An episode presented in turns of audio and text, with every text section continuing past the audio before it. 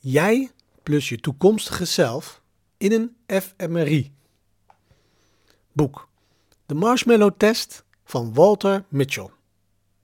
Als we onze hersenen zouden scannen met een fMRI-scan, dan zou je ontdekken dat de pijn van uitstelgedrag alleen zit in het anticiperen van iets doen, niet eens in het feitelijk doen. Angst is daarom niet gebaseerd op wat er feitelijk kan gebeuren, maar de angst wordt veroorzaakt door hetgeen jij je voorstelt dat kan gebeuren. Jouw idee van een toekomstige situatie is voor je brein echt, vaak net zo echt als de realiteit. Walter Mitchell is een van de werelds toonaangevende onderzoekers op het gebied van wilskracht. Hij is de man die, bekend, die bekende marshmallow-studies met kinderen deed. Hier gaan we het binnenkort nog over hebben.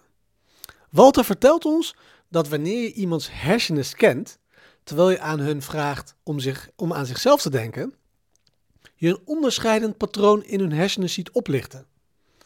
Onderzoekers noemen dit het zelfcentrum. Als je diezelfde persoon vervolgens vraagt om aan een vreemde te denken, dan zal je een ander hersenpatroon zien oplichten. Dit noemen ze, logisch, het vreemdenpatroon. Raad eens wat er gebeurt als je dan vraagt om over een toekomstige zelf te denken. Bijvoorbeeld aan wie ze over tien jaar in de toekomst zijn. Wat er dan gebeurt, is dat voor sommige mensen het denken aan hun toekomstige zelf het zelfcentrum verlicht. Maar voor andere mensen die aan hun toekomstige zelf denken, verlicht juist het vreemde patroon. Is dat niet bizar? En probeer dit te volgen. Van de mensen van wie de toekomstige zelf er meer uitzag als een vreemde, was de wilskracht lager dan bij diegene van wie de toekomstige zelf meer op hun huidige zelf lijkt. De mensen die dus hun toekomstige zelf als een vreemde zien, zullen minder snel het bevredigen van hun behoeftes en verlangens uitstellen en zullen eerder impulsief zijn en ongezond gedrag vertonen. Wat we hieruit kunnen leren. We moeten de verbinding tussen onze toekomstige zelf en ons huidige zelf versterken. Maar hoe doen we dat dan precies?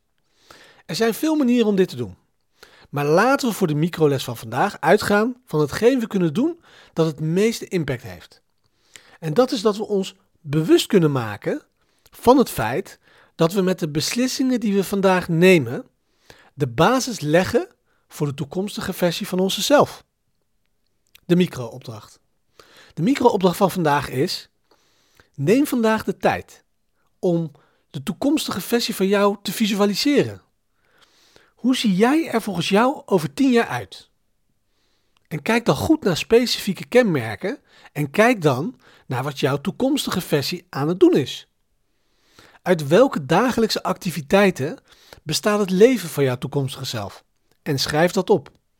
Maak de toekomstige versie van jou dankbaar voor de keuzes die je vandaag maakt door vanaf vandaag zoveel mogelijk de verbinding te maken tussen wie je nu bent en wie je straks bent.